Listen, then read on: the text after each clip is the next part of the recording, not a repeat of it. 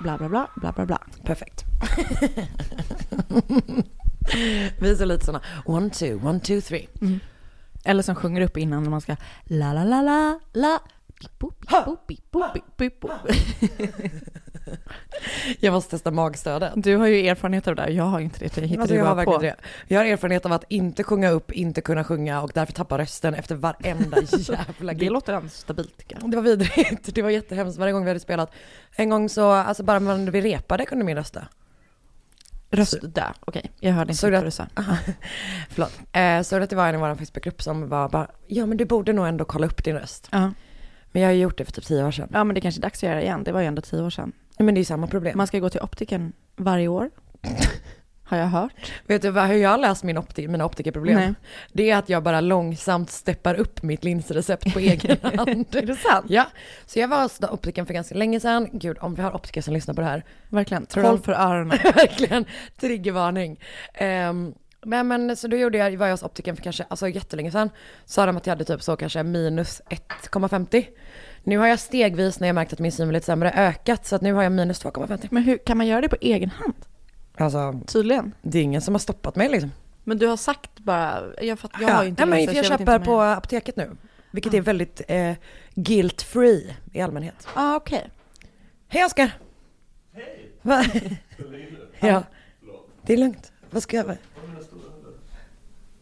Bara kolla jag har och bara kolla han här bra. Där! Till och med jag vet vart de är Oskar. Vi ses sen. Hej då, puss puss. Hej.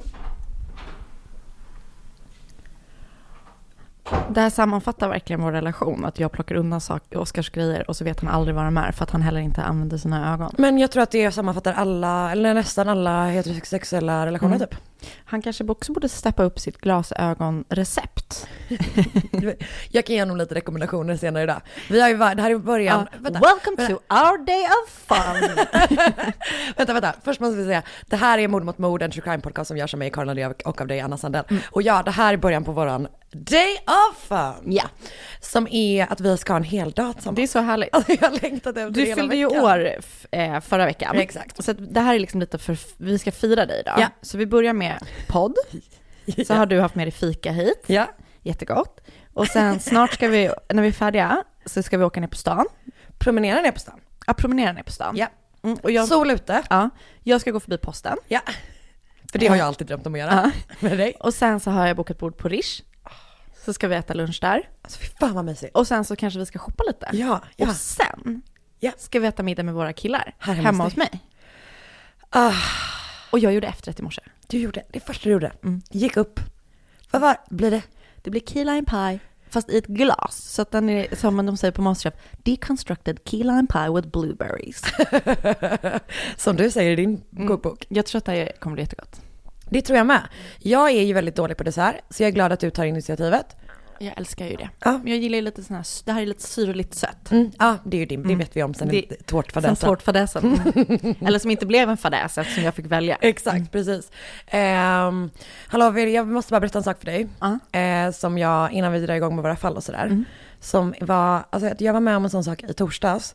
Du vet när, man, när någonting händer och man tänker så här, det är pinsamt. Man bara, det här kommer jag få skamsköljningar av Länge. länge. Gud. När jag tänker tillbaka på det. Vet, händer mig för ofta. Mm. Jag ska berätta vad, jag ska berätta vad som hände och sen så vill jag gärna höra att du berättar någon sån skamsköljningsgrej förutom när du kallar mig för Londreus. Ja. Vilket jag... Men, men ja. lite samma tema. Okej, så i torsdags eh, så var jag på Nationalmuseum för min kompis Lisa jobbar med Herta. Mm. Som är ju ett eh, feministmagasin som ges ut av, eller det är medlemstidningen för Fredrika Bremer-förbundet. Fredrika Bremer var ju liksom så feministisk förkämpe typ. Ehm, och de skulle släppa sitt nummer och eh, så är, har de också gjort en Fredrika Bremer-byst som nu finns på Ah, wow. Nationalmuseum. Så därför var det på Nationalmuseum. Kul. Och så satt vi då, jo för att Lisas kollega heter också Lisa, så då satt jag och pratade med någon tjej om att hon bara, ja men jag är kompis med Lisa, jobbar jag med och sen så var det en liten förvirring för att det var olika Lisor. Sen träffade vi sig att en annan tjej heter Karin och sen så var det någon till som hette samma. Och sen så var det en tjej som bara, eh, ja, jag, som hette Fredrika och hon bara, ja men jag, jag har ju ingen här som jag kan vara, du vet så här den här förväxlingen med, den här lustiga förväxlingsgrejen. och jag bara, det finns ju en byst eh, som du kan gå och ställa dig bredvid. Ett litet skämt Ja. bara. Typ att jag bara, alltså det här var inte typ det roligaste jag någonsin sagt. Men det var inte det tråkigaste heller. Nej, det var och det ganska- mottogs med stor tveksamhet. För hon bara, okej vad menar du? Eller vad hände? Hon bara, ja nej men det är ja, jag vet inte hur många kvinnor genom historien som hetat Ulrika. Så jag tror att, eller det som hände var ju egentligen att, att ja, det var som att jag trodde att hon hette Ulrika Bremer. Alltså det är ju det som blir grundgrejen. Jag tror inte att hon tänkte så här, Hon måste ha hört Fredrika. nej, nej nej det tror jag inte. Jag tror verkligen, alltså hon var också typ så här, du vet universitetsanställd. Hon gick inte universitetet, hon jobbade på universitetet. Och jag typ sen, och sen så tänkte jag på det hela kvällen. Alltså du vet, för jag insåg ju direkt att jag bara, åh fy fan, nu tror hon att jag tror att hon heter Ulrika Bremer. Oh, åh vad pinsamt. Och jag känner mig så jävla dum. Jag hade också nyss berättat att jag helt saknar universitetsutbildning. Hon bara, I hear that. Eh, och sen så, så gick jag och Lisa ut och käkade och sen så var vi på Rish och drack öl. Och Vilken sen, hel du vet, kväll. Det var verkligen en hel kväll och det tog lång tid innan jag bara, eh, jag vet att hon heter Fredrika. Och hon bara, typ började garva, för hon hade ju också, alltså hon hade ju, hon hörde ju, alltså as it happened, att det var som att jag, hon trodde ju också att jag trodde att hon hette Ulrika Bremer liksom. Så att om hon, som vet om att jag inte är dum i huvudet, vi har typ jobbat ihop och känner varandra Ja. så här. Om hon tror så, Då tror ju verkligen Ulrika det också. Ja, jag vet. Usch vad hemskt. Det där är ju verkligen... Tänk att... Men vet du, det hedrar dig att du tycker det är så skamligt att du sa fel namn. Det gör verkligen det. ja men varför då? För att du skäms så mycket för att du är så mån om att du ska liksom så här, det betyder någonting för dig. Ja, men att jag inte, ja jo. Men eller så är det bara att jag är fåfäng och inte vill att, att typ folk ska tro att, att ryktet ska gå på Stockholms universitet. Karin Landré, vilken jävla idiot. Skiter de på Stockholms universitet. Kan du berätta någon sån historia nu så det känns bättre? Jag kan berätta, jag har, alltså, jag har så många. Så, jag, jag har en som jag kan berätta lite fort. Det här är alltså, hände för eh, 15 år sedan typ. Och du tänker fortfarande Jag på det tänker ibland? fortfarande på det. Ja. För då var jag på, eh, ute och gick med min kompis Freddy. Så träffade vi en tjej eh, som, du vet, när det var lite så här coolt och typ inte, du vet så här, vi hade, att, det var coolt att så här, inte känna igen folk. Förstår du Ja. vad jag menar? För att man typ, det var, ja exakt, man hade överläget om man var den som inte kände igen. Exakt. Ja. Ehm, så, och träffade en tjej som Freddy absolut känner. Eh, och jag har, har träffat henne. Men jag visste inte om hon skulle komma ihåg mig. Så jag väljer, tror jag, att ta det säkra för det osäkra. Så hon sträcker ut en hand mot mig. Ja. Som jag tar med vänster. För att det är hennes vänsterhand. Vänster. Och hon satsar på en kram. Så att det blir som att jag tar i hennes hand och sen lägger runt min rygg. Vänta, som ett bugg-move på något sätt. För att jag bara, okej, det är jättekonstigt. Hon kommer ta i hand med mig, men hon kommer göra det med vänster hand. Okej, så att då tog du hennes... Okej, vi kan göra det lika gärna med höger. Okej, ja. Det spelar ingen roll. Nej, Nej, men men vi ska ha samma hand. Visst, Vi ska det- samma hand. Hon liksom är på väg på en kram. Och Ah. jag bara ser en hand. Eller hon kanske kommer med höger då. Och just det. Jag bara ser en hand, så jag tänker, jag måste fånga den här. Men tar den med höger, Aha. samtidigt som hon kramar mig så att vi kommer... Åh nej. Och hon bara, men vi har ju setts i, mitt i den här himla awkward-kramen. Och jag bara, jag vet.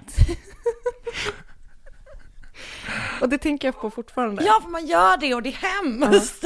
Och sen så hände det, en bara, det här blir också kort. Det här berättade jag om häromdagen på jobbet. Så var det några som jag inte umgås med så mycket på jobbet hade ett samtal om en restaurang som min systers bästa kompis äger. Så jag ville kasta mig in i det och säga så här, det är min systers bästis Som- restaurang. ah. Och ingen hörde. Så jag bara backade tillbaka och bara jobbade vidare. Och så tänkte jag så här, var det någon annan i vårt öppna landskap Som hörde att du gjorde hörde försöket? att jag gjorde försöket? Exakt. För det, ja. Och det, jag skäms fortfarande. Ja, ja. Jag förstår, jag skäms för dina vägnar. Ny säsong av Robinson på TV4 Play. Hetta, storm, hunger. Det har hela tiden varit en kamp. Nu är det blod och tårar. Fan händer just. Det. är Detta är inte okej. Robinson 2024, nu fucking kör vi! Streama söndag på TV4 Play. Ett poddtips från Podplay. I fallen jag aldrig glömmer djupdyker Hasse Aro i arbetet bakom några av Sveriges mest uppseendeväckande brottsutredningar. Går vi in med hemlig telefonavlyssning och, och då upplever vi att vi får en total förändring av hans beteende. Vad är det som händer nu? Vem är det som läcker? Och så säger han att jag är kriminell, jag har varit kriminell i hela mitt liv men att mörda ett barn, där går min gräns. Nya säsongen av Fallen jag aldrig glömmer på Podplay.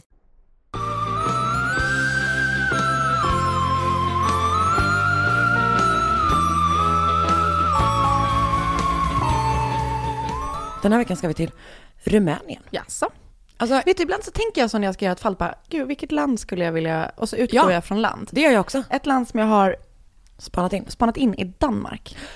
Ja, vi Jag måste... hittar ingenting från Nej, Danmark. och eh, vi måste göra, ja och, och Norge och Finland. Vi har aldrig gjort, tror jag, alltså nordiska Jag har varit på G på ett finskt, men det fanns så himla lite information Ja. så att jag släppte det. Men kan inte ni, eh, jag tänker typ att vi Tipsa om nordiska fall. Exakt, för jag vet om att vi har lite, jag vet inte om vi har danska lyssnare, men jag vet om att vi har några norska i alla fall. Mm.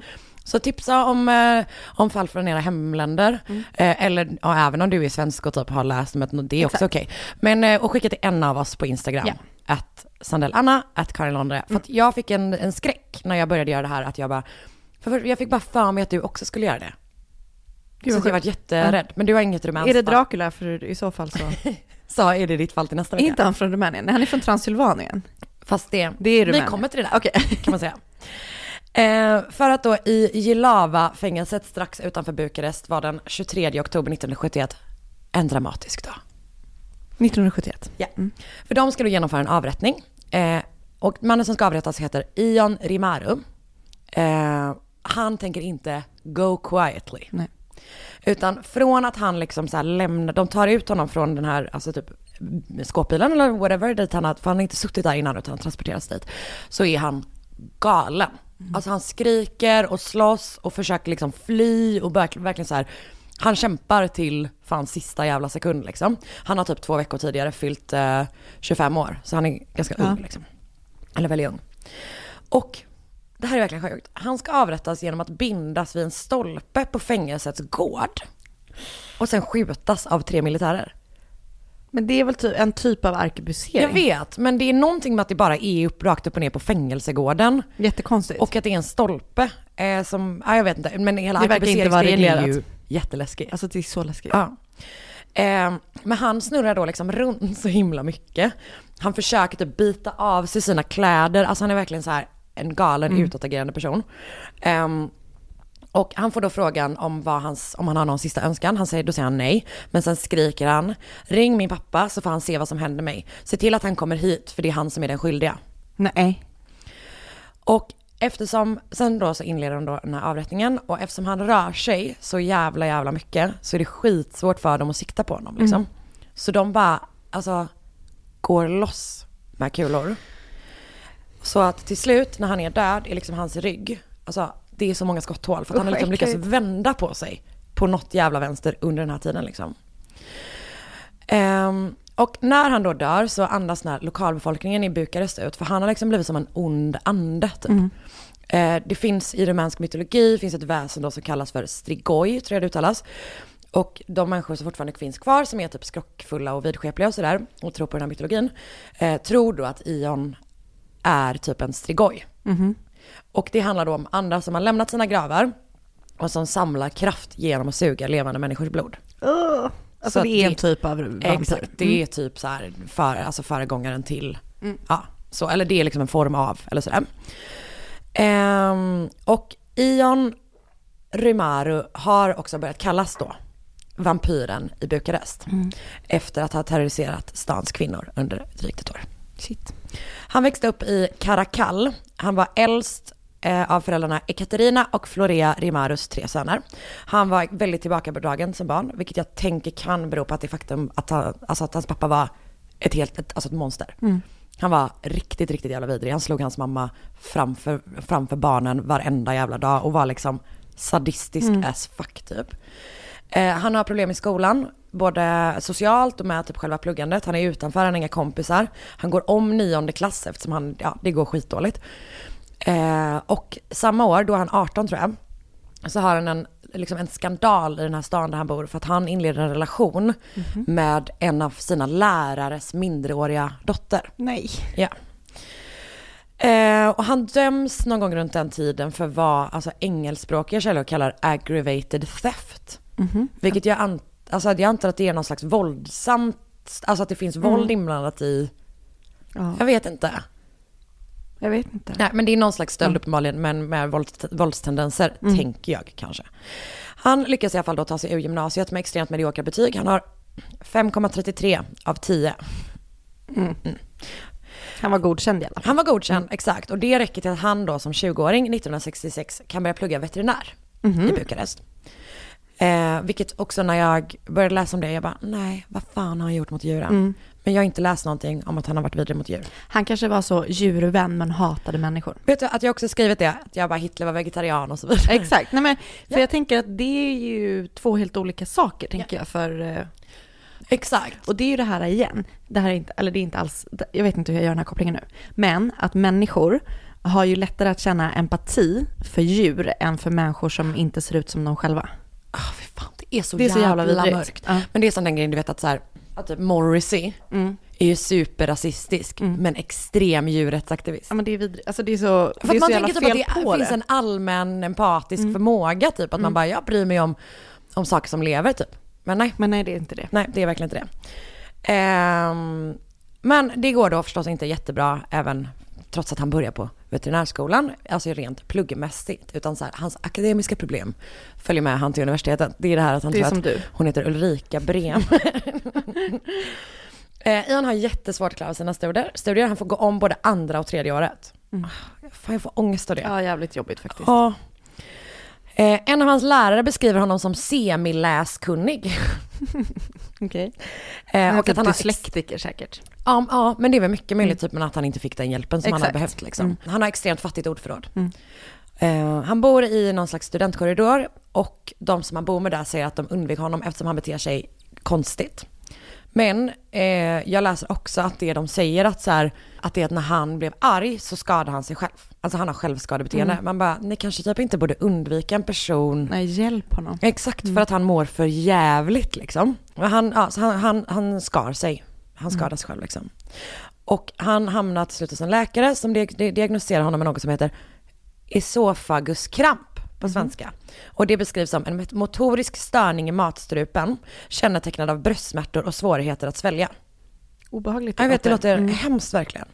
Så att man kan liksom, det, det, känns, det kan kännas som att man har hjärtproblem fast det egentligen handlar om svalget på något Det var sätt. som min pappa när han trodde att han hade fått eh, hjärtinfarkt och det också var, nu har han i och för sig fått en pacemaker så han hade ju lite problem också. Men det var sura uppstötningar. Men- Men det är tydligen ganska vanlig förknippning. Ja men och även sån ehm, eh, halsbränna.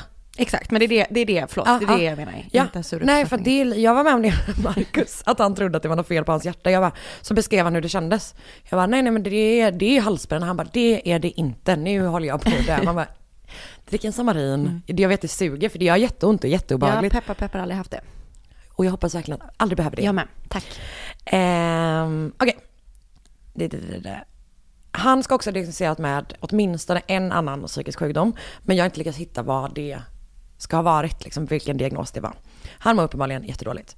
Hans före detta roomie säger också senare att han hade vad, vad som valt att kallas för en okontrollerbar libido. Ja, vad härligt. Det är verkligen det man letar efter i En partner. en partner i en, eh, en rumskamrat tror jag framförallt att man vill ha med en, en okontrollerbar libido. Eh, och det ska ha varit med honom sedan tonåren liksom, att han har, mm, det har alltid varit så. Under universitetstiden så tillbringade han till exempel en hel natt med att vaka utanför dörren till en grannes rum, eftersom det var en tjej där inne och hälsade på. Men gud vad obehagligt. Ja, att han bara, Va? du ville bara se en tjej. Alltså, Det är verkligen... det är så läskigt. Ja. Som en eh, hund typ. Ja, det... En kåt hund, det är en hund Ja, som det- löper på insidan och sen ser en hund på utsidan. Det är ju så de gör, hundar. Alltså äckligt. Ja. Äckligt med kåta hundar. Det är vidrigt. Mm. Eh, också äckligt med Alla kåta djur. och människor. Ja, det med. Och med tanke på att vi vet hur den här historien kommer sluta så Mm. kan du tänka dig ungefär. För en stormig natt i april 1970 är då servitrisen Elena Oprea på väg hem från sitt jobb på restaurangen Banasea i Bukarest. Och hon har hunnit nästan hela vägen hem till sin lägenhet när hon blir då attackerad av en man. Och jag vet faktiskt inte, alltså jag vet inte så mycket om själva attacken. Alltså vad det var för vapen och sådär. Men attacken, den avbryts i alla fall av att en granne kommer ut och liksom ser vad som händer. Men det är för sent, för Elena har hunnit dö liksom. Och fallet blir då superkallt nästan direkt. Polisen har liksom inget att gå på, förutom ett tandavtryck på Elenas bröst. Mm. Och man tar in en expert som ber- berättar då att gärningsman- gärningsmannen har alla sina tänder, han har inga proteser och han är mellan 26 och 35 år. Mm, vilket jag tycker är väldigt imponerande att man kan också Verkligen. när jag tänker efter, det stämmer ju inte. Nej. Han är typ 24. Inte så långt ifrån Nej. i och för sig. Ehm, men det är liksom det. Det är det man har att gå på. Så det blir kallt jättesnabbt och efter, men eftersom då Ion Remaru kommer fortsätta att attack, attackera kvinnor så finns det snart liksom fler ledtrådar att gå på. För natten mellan den första och andra juni är det dags igen. Då är Florika Marco, som också är servitris, men på en annan krog. Nästan alla hans offer är servitriser. Eh, hon är på väg hem från sitt jobb. När hon attackeras med ett trubbigt föremål, tappar medvetandet. Han kastar henne över stängslet, stängslet till en kyrkogård. Åh, läskigt. Som ligger liksom ut med den här vägen som hon går på på vägen hem. När du säger stängsel så tänker jag att det är typ så här elnäts... Jag tänker, ja, det är säkert en mur. Ja, eftersom det är, jag tänker sån gammal. Ja, men jag, det, Ja. precis. bara, Man var risig kyrkogård som så så här, hundburs... Verkligen hönsnät. Så heter det. Tack. Ehm, Okej, nu blir det mörkt igen. Mm. För inne på kyrkogården då så våldtar han henne, slår henne och biter också mot hennes ansikte och, alltså hon, han biter i hennes ansikte och i hennes lår. Sen går de ut på gatan igen och det verkar som att attacken är över när han då plötsligt eh, tar fram en kniv och börjar hugga henne i överkroppen. Sen börjar han suga blod ur såren. Nej, nej. nej. Som tur är kommer då en lastbil körande på den här vägen. Och det skrämmer då Ion så att han lämnar platsen, springer därifrån och Florika kan överleva. Jaha. Så att hon kommer liksom senare vittna om att så här, han sög blod från min kropp. Gud vad obehagligt. Men, men han, det, han lyckades ändå fortsätta efter. Det är det, så att, eh, ja, förlåt, Ja, fortsätt. ja. Ehm, och grejen är att det är ganska många av hans offer som överlever. Mhm. Han ehm, dödar fyra kvinnor, men jag tror att han eh, liksom attackerar ytterligare typ tio. Mm. Så att det är många överlevande liksom. Under hösten 1970 och vintern 1971 så attackerar han minst fyra kvinnor som han eh, våldtar, slår och biter. Det är liksom genomgående för alla. När han mördar så våldtar han också ofta efter döden. En ytterligare svinläskig grej tycker jag är att han bara attackerar under stormiga nätter. Gud vad sjukt. Alltså så här, snöstormar, regnstormar, att det bara är extremt blåsigt men det är liksom så här oroligt väder. vad Det konstigt. är då han attackerar. Läskigt. Så läskigt. Natten till den 5 mars 71 mördar han igen. Då är det eh, Fanika Ilje som utsätts för samma fucking jävla skit. Och sen en månad eh, senare, den 9 april, så mördar han Georgita Popa. Och det är alltså ett av de grövsta morden som jag typ har hört talas om. Är du beredd? Mm. Nu blir det hemskt. Hon knivhöggs 48 gånger, alltså över hela kroppen. Hon får fem slag mot huvudet. Han krossar hennes revben genom att stampa på henne. Nej. Och nu, när om du trodde att det här var illa, nu kommer det bli ännu värre. Så om ni är känsliga, vilket vi alla är också, så kommer det en jätteläskig sak nu. Han biter henne i underlivet Nej, aj. och biter liksom av. Nej. Alltså det är, man bara... Hur mycket kan man hata kvinnor egentligen? Mm. Alltså det är så jävla vidrigt. Okej, pff. nu blir det då panik i Bukarest förstås. Det är liksom ett totalt jävla monster Mm. ute på stan. En strigoi då som liksom mördar deras vänner, systrar, döttrar. Kvinnor vägrar gå ut efter nio på kvällen om de inte är i stora grupper eller har sällskap av män. Polisen är typ ganska dåliga på att gå ut med information. Sådär. Eh, För ovanlighetens skull vid typ den här tiden. Men till slut då så måste polisen agera på allmänhetens eh, panik.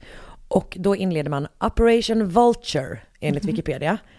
Eh, och enligt Wikipedia är det döpt efter gatan där det sista offret där eh, hittades. Vilket är starkt att de har en gata som heter så. Gamgatan. Men eh, hur som helst. Man samlade ihop 6000 män från olika delar av Jäklar. polisen. Som till fots och med 100 bilar och 40 motorcyklar patrullerar Bukarest gator på nätterna. Alltså varje natt är de Jävlar. ute. Man drar också in typ folk som jobbar med att så här, du vet, köra nattbuss och nattspårvagn, anställda på hotell, på barer, folk som jobbar inom sjukvården och så här, bara för att liksom börja bygga relationer så att de ska veta vad de ska göra om, de- om de märker någonting. Ehm, det leder till 2565 gripanden. Shit. Men Ion Rimaru hinner då både attackera och mörda igen innan han faktiskt grips. Så den 5 maj attackerar Ion Rimaru studenten Michaela Ursu och mördar henne. Men han hinner inte genomföra några av sina andra ritualer, alltså typ våldtäkt och sådär. Eh, och suga blod, hela den grejen. Så han, utan han blir påkommen. Så han springer därifrån, vilket gör att hans, då tillfreds, alltså hans vidriga behov inte är tillfredsställda. Så att då ger han sig ut på jakt efter ytterligare ett offer samma kväll. Och då hittar han Maria Iordache och det liksom är bara några timmar efter det senaste mordet. Men han jagar henne med ett järnrör och slår mot hennes huvud.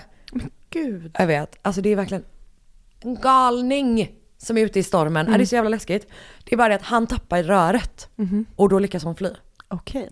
Så hon tar sig undan liksom. Så Michaela blir den sista som Ion mördar. Men den 7 juli så attackerar han två kvinnor samtidigt. Men båda överlever. Det är bara det att ett par månader tidigare så har Ion då fått diagnosen periodisk epilepsi. Eh, och man hittar alltså en lapp från läkaren under Mikaelas kropp. Lappen är då tyvärr blöt och blodig. Så att det enda man kan se på det är att den kommer från eh, Bukarest studentsjukhus. Och man lyckas också ta reda på att den kommer från en doktor Octavian Janiste. Och hade skrivits någon gång under mars. Så då kunde man kolla så här, okej den månaden hade han tagit emot 83 studenter. Och sen var det någon grej som jag inte riktigt fattade som var så här, bara 15 av dem hade inte meddelat universitetet sina diagnoser, vilket jag inte riktigt vet varför det skulle spela roll.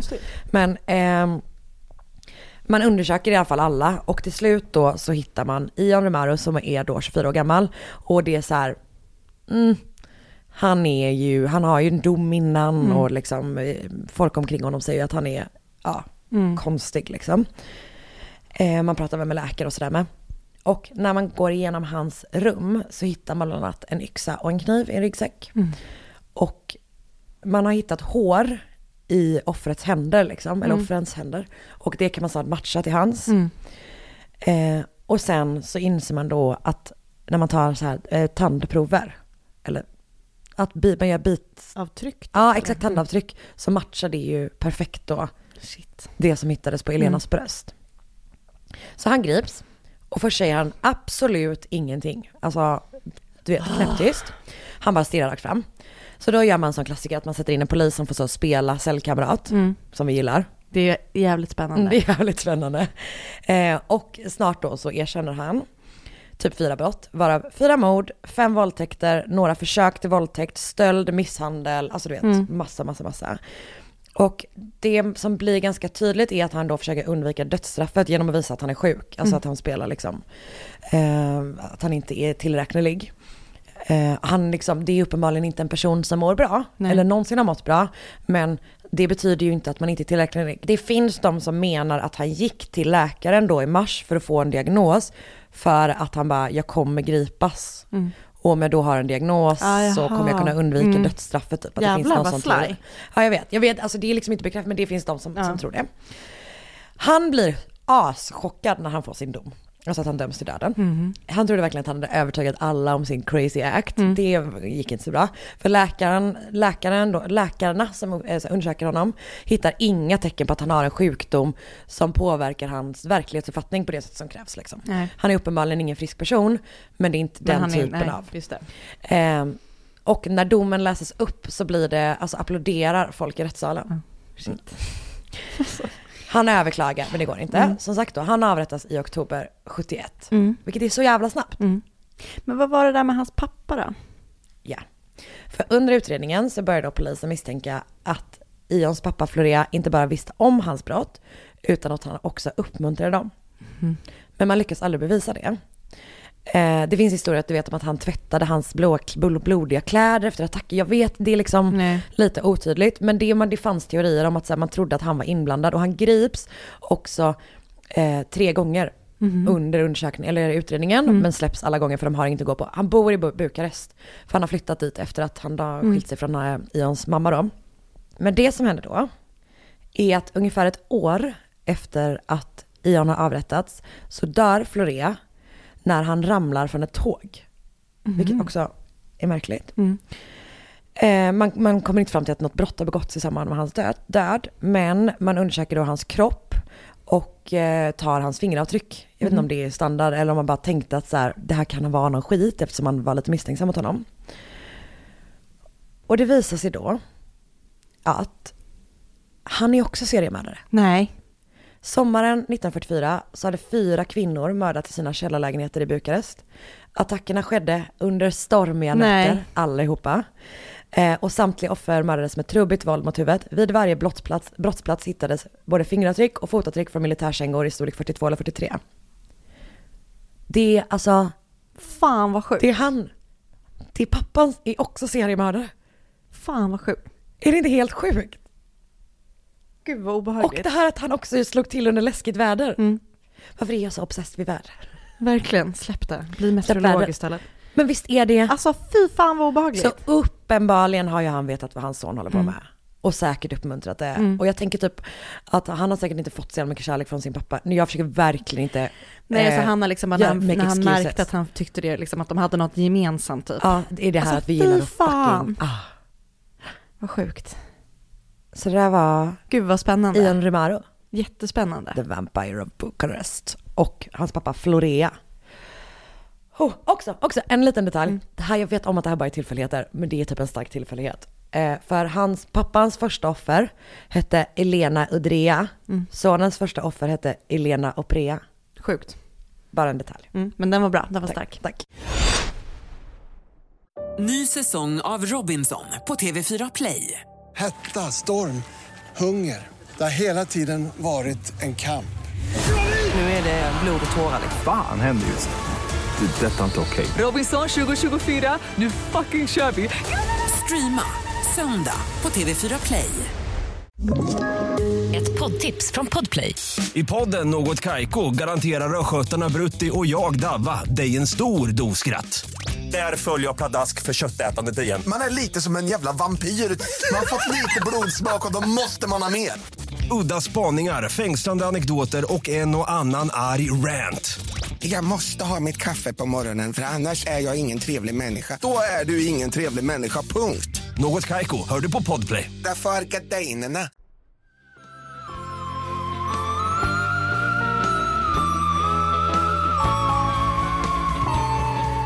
Okej, den 13 juni 1983 åkte Robert Yunt i lugn och ro ner för Sixth Avenue i Anchorage, Alaska i sin bil, i sin lastbil, eh, när han blir stoppad av en ung kvinna.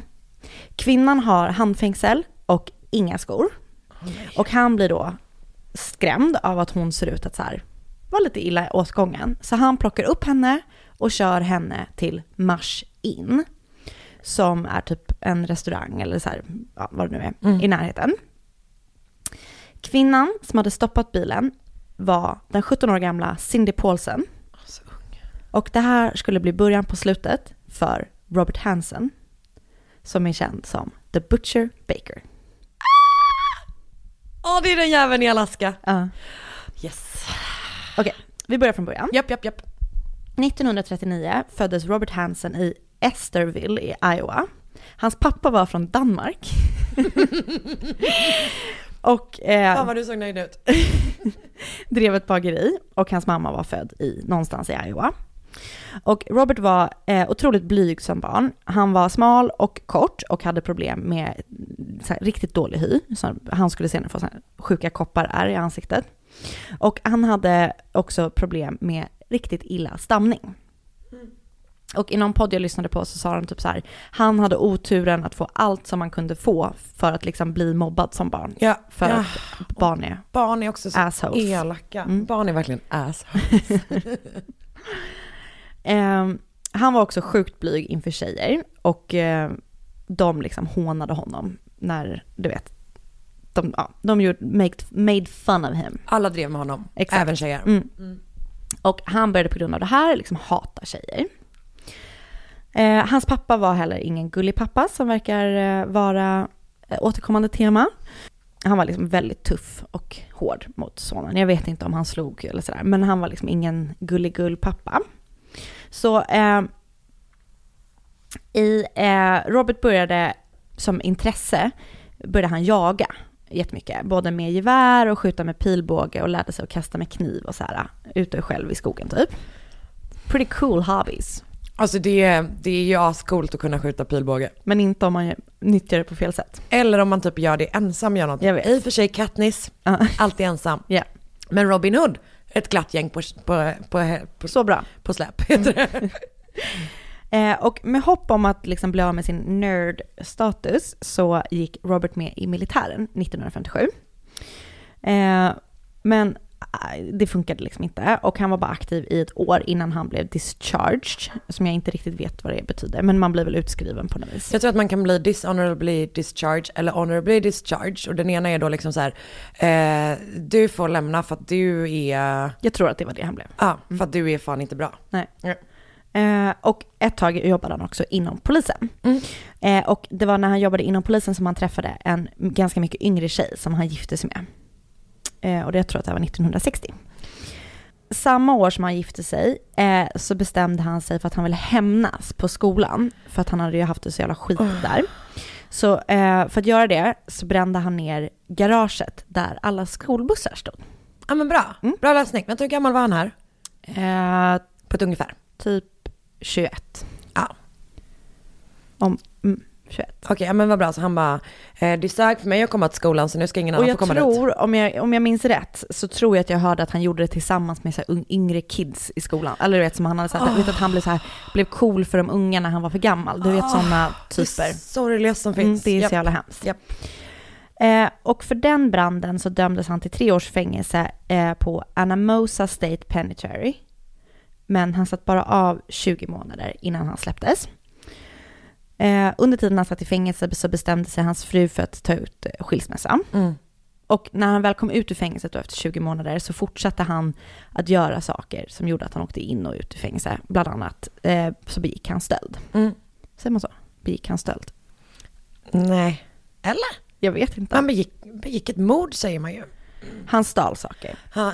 Ehm, 1963 så giftes Robert för andra gången med en kvinna som jag glömt bort hennes namn, men hon var typ eh, så här, jätte, hon, hon, hon jobbade typ på universitetet. Ah, Hon var liksom Ulrika. en, eh, sådär. Mm.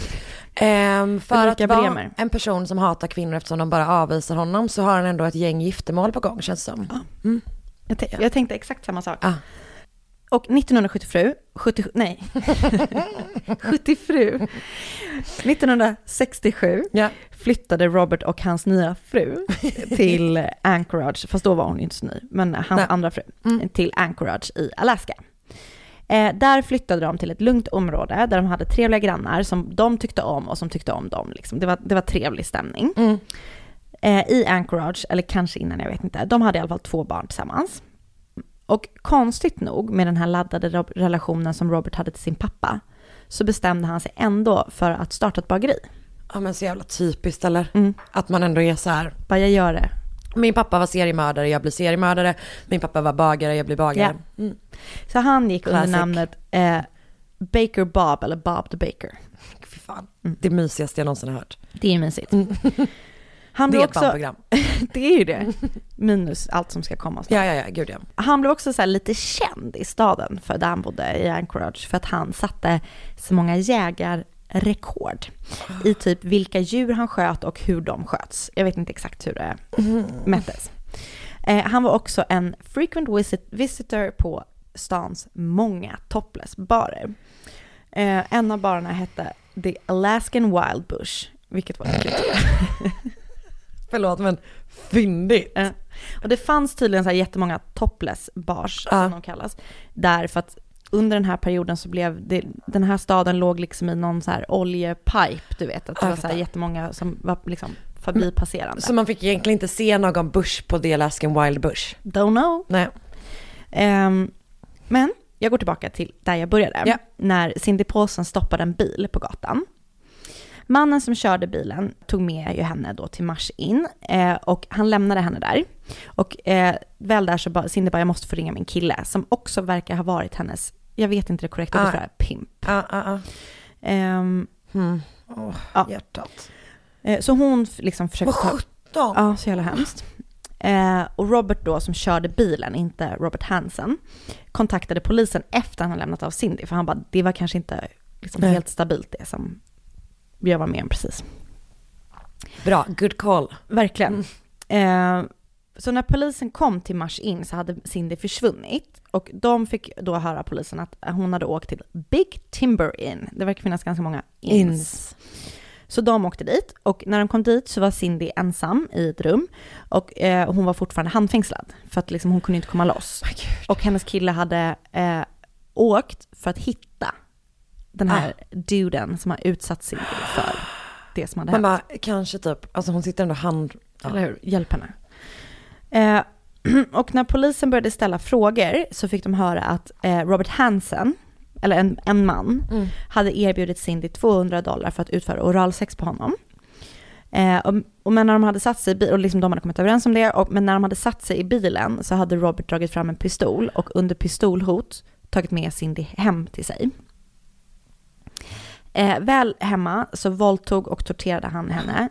Han ska också ha fängslat henne med en kedja runt halsen vid en stolpe i källaren medan han själv la sig för att ta en tupplur.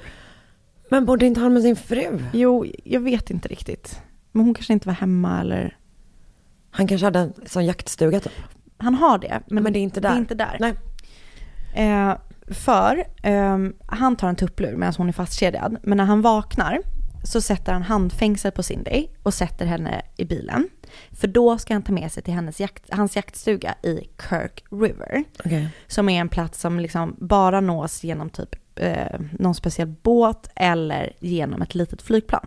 För Robert har ett eget sånt här sportflygplan. Nej, nej men vi kan inte ha mördare som kan kasta kniv och skjuta pilbåge Nej. och köra flygplan. Det är liksom inte okej. Nej. Och samtidigt baka ett gott bröd. Exakt. Undrar om det var surdeg eller Tror vad inte var. det. Han gjorde så här danska wienerbröd kanske. Han gjorde sånt danskt rågbröd. Ja, Det var Det är all gott. the rave i Alaska. det är ganska gott. Ja, det är fan gott. Aj. Man vet att man har blivit vuxen. När man gillar det. Ja. Alltså det, det är verkligen en vuxentecken. ja. Men ett rostat sånt med smör och lite god ost på. Mm. Mm, mm, mm. De har inte fel i sak, danskarna. Så medan han håller på att lasta planet för att göra sig redo att åka, så eh, han lämnar liksom Cindy i bilen, så lyckas hon så här knygla sig runt så att hon får handfängslarna på framsidan av kroppen. Alltså Hon kanske har såna, så bendy. med såna leder som Ja. inte... Ja. Mm. Eh, och när Robert har ryggen vänd mot bilen Yes. så bara, nu sticker jag. Bra Cindy! Så hon bara springer och springer och springer tills hon då kommer till Sixth Avenue där hon lyckas stoppa Robert Yount. Och för polisen berättar hon också att hon har lämnat sina blå sneakers i Robert, Robert Hansens bil. Ja. För att hon vill liksom, det här ska vara ett bevis på att jag faktiskt har varit här. Så polisen lyckas, jag vet inte om hon kände igen honom eller om hon kunde peka ut honom, men de plockar i alla fall in Hansen på förhör. Och han förnekar såklart allting, utan han säger då ehm, att Cindy utövade utpressning mot honom. För kanske att han, han kanske erkände att han hade liksom varit där och Ja. vet, här, köpt sex eller jag vet inte. Men att han vägrade betala, så det här var liksom ett sätt för henne att straffa honom på. Och trots att Robert hade liksom flera olika domar mot sig sen innan så tyckte polisen att han verkade vara en harmlös bagare. Nej men, Och dessutom så hade han ett alibi från en av sina grannar. Så de bara, ah, det är uppenbarligen inte han. Så de släpper honom. nej men. Men nej. Så han går liksom fri. För att, men då, om man tänker då att det var hemma hos honom som de var, Mm. så kan ju de bara ha sett, alltså grannen menar jag, Mm. kan ju bara ha sett honom då när hon var nere i källaren. Exakt. Eh, Fan vad det också är bara, nej men vi väljer att inte tro på typ en 17-årig eh, flicka som prostituerar sig. Eh, men en sin- så här good citizen. Ah, ba- Nej, Baker boy. Ah, fy fan vad mörkt. Ja. Men meanwhile så var det en grupp som hade blivit hopsatt av typ Alaskan State Troopers eller något sånt där. Eh, för att utreda andra kvinnokroppar som hade hittats i området. Tre, de hade hittat tre kroppar eh, med vad som tycktes vara en mördare. För att de var liksom, såg ut att vara ja, Mm. åtgångna på samma sätt. Första kroppen som eh, de hittade, den identifierades aldrig men gavs namnet Eklutna Annie efter området Eklutna där hon hittades. Den andra kroppen tillhörde Joanna Messina och den tredje tillhörde den 23 år gamla Sherry Ma- Morrow som hittades i närheten av Kirk River. Glenn Fluth som var, jag tänker på eh, Bluth i eh, Jag tänker också på att- Tobias Funke. Ja. Ehm, Älskade Arrested Development, fy fan vad bra. älskar också. Mm. Ehm, Glenn Fluth var den polisen som ledde gruppen och han kontaktade FBI för att han ville få hjälp med en gärningsmannaprofil. Bra, bra, bra Fluth. Verkligen. Eh, profilen som eh, FBI tog fram sa att det var en erfaren jägare med dålig självkänsla som hade blivit avvisad av kvinnor historiskt och som troligen kände sig manad att behålla troféer från sina offer. Förlåt, det jag garvade åt var att det, var, det är så jävla dumt att vara en erfaren jägare med dålig självkänsla. Det är så jävla värdelös kombination. Polisen sa också, eller FBI sa också att mördaren möjligtvis stammade. Va? Hur? Jag vet inte, men det är så jävla sjukt. Fan vad sjukt. Så eh, Glenn Fluth med eh, grupp använde sig av den här profilen tills de till slut stötte på Robert Hansen. Så med stöd från Cindys witness, witness mole eh, fick polisen husrannsakan, eller en husrannsakans order, för att söka igenom hans bil, hans hem och hans flygplan. För att de bara, det kommer finnas eh, troféer. Mm. Ja, ja. Den 27 oktober 1983 hittade polisen smycken som tillhörde de här saknade kvinnorna i Roberts hem. Bakom Hansens sänggavel hittade de också en karta eh, som hade små kryss eh, utmarkerade på den. Där han, alltså han sängde han så med sin fru. Ja. Och tre av de här eh, kryssen var då fyndplatserna. Men kartan visade 14 kryss till. Det är så många, kry- det är för många kryss. Det är så många kryss. Och Hansen förnekade såklart allting till en början. Och sen så började han anklaga kvinnorna och var så här, ja men alltså hade de bara varit fina tjejer som inte, du vet, bla bla bla bla bla. Fuck you dude. Eh, så hade Åh, jag inte Gud. gjort någonting. Och till slut så erkände han allting. Han hade mördat eh, åtminstone 17 kvinnor och förgripit sig och överfallit typ 15 till. Som han släppte. För det som Robert hade gjort var att han plockade upp kvinnor. Sexarbetare typ, oftast eller? Ja, exakt. Som var mellan 17 och 41 år gamla. Och många var då sexarbetare eller exotic dancers. Mm. Eh, och precis som alltid så visste han att de inte skulle bli saknade. Och framförallt också för att det var många då som kom, just eftersom det var den här liksom, Just det. så var det många som kom och stack liksom. Ja. Eller kom och gick. Ehm, så det han gjorde var att han våldtog och torterade kvinnorna eh, under flera dagar ofta, innan han släppte dem fria. Och en del släppte han fria på riktigt om de var så liksom snälla och bra. Och att de lovade att hålla tyst. Men andra släppte han fria. Och när kvinnorna sprang för sitt liv så utrustade sig Robert med kniv och skjutvapen. Innan han till slut gav sig efter dem för att jaga dem, precis som han jagade djur. Nej det är för grovt. Det är så jävla Det är obehagligt. för jävla jävla sjukt. Det är så jävla sjukt. Och ibland så lät han dem liksom springa ganska länge. Så att de så här, okej, så att de liksom började känna, du vet, skulle börja känna så här, jag kommer komma iväg. För han visste att han hade ett övertag. För de hade ju så här, inga kläder, inga skor. Han kunde hela området. Exakt. Inga, du vet, han hade kanske ficklampor, alltså du vet, han hade liksom allt som gjorde att han kunde, han hade bil, eller du vet så här. Åh gud. Eh, men till slut så då hittade han dem och eh, sköt dem. Alltså, Eh, och ett av hans offer som han hittade hade kläder på sig men inga skotthål i kläderna.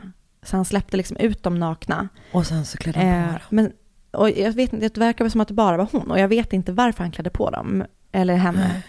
Men det är så jävla obehagligt i sig också.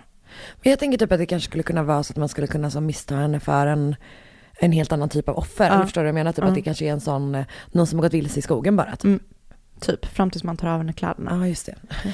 Men eh, det är så jävla läskigt. Och Ja, han, Det är ju den värsta mardrömmen alltså, som finns. man bara, jag klarar mig, jag kan sticka, Ja. så bara, nej.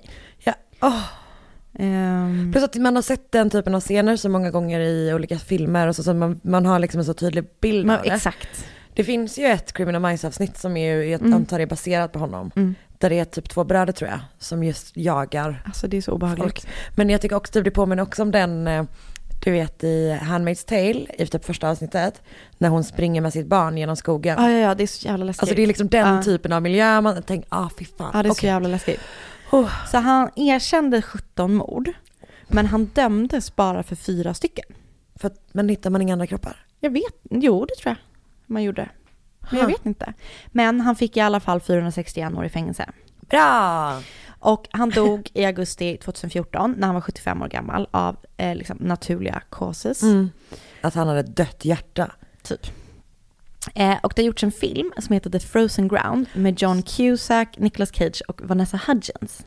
Vilken kombo. Ja, Har som du sett den? baserad på den här. Nej, men jag kollade på typ, jag försökte hitta den igår. Ja. Men jag såg Den typ, borde vi se. Den borde vi se, för den verkar typ ganska spännande. Ja men det, är ju bra skådisar och sådär. Ja. Eh, den verkar inte exakt vara Nej. följa, men den är baserad på den. Och den verkar jättespännande. Vet du vad som gör mig rasande? Nej. Eller så här, förlåt. Men är det inte något, och det här är typ världens äldsta spaning förstås.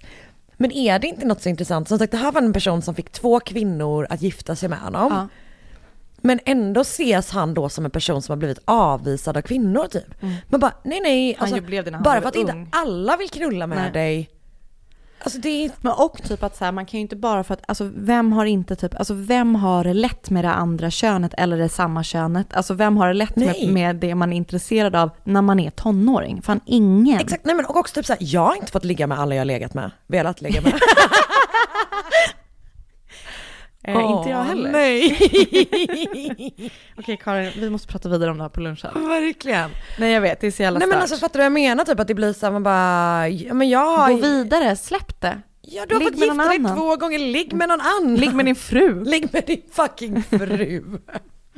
Ja, det är så jävla läskigt. Åh shit, tack snälla. Mm, det finns ganska många poddar vi kan tipsa om dem. Ja, mm, vi lägger allting i gruppen, Facebookgruppen Mord mot mord podcast, gå med där, svin mycket folk där, jättemysigt. Det är så härligt. Som sagt Instagram, att Anna, att Karin Londre, Stämmer bra. en.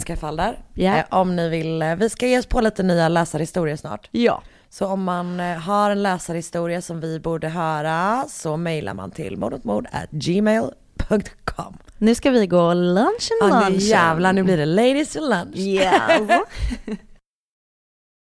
Ny säsong av Robinson på TV4 Play. Hetta, storm, hunger. Det har hela tiden varit en kamp. Nu är det blod och tårar. Fan händer just nu. Det. är Detta är inte okej. Robinson 2024, nu fucking kör vi! Streama söndag på TV4 Play.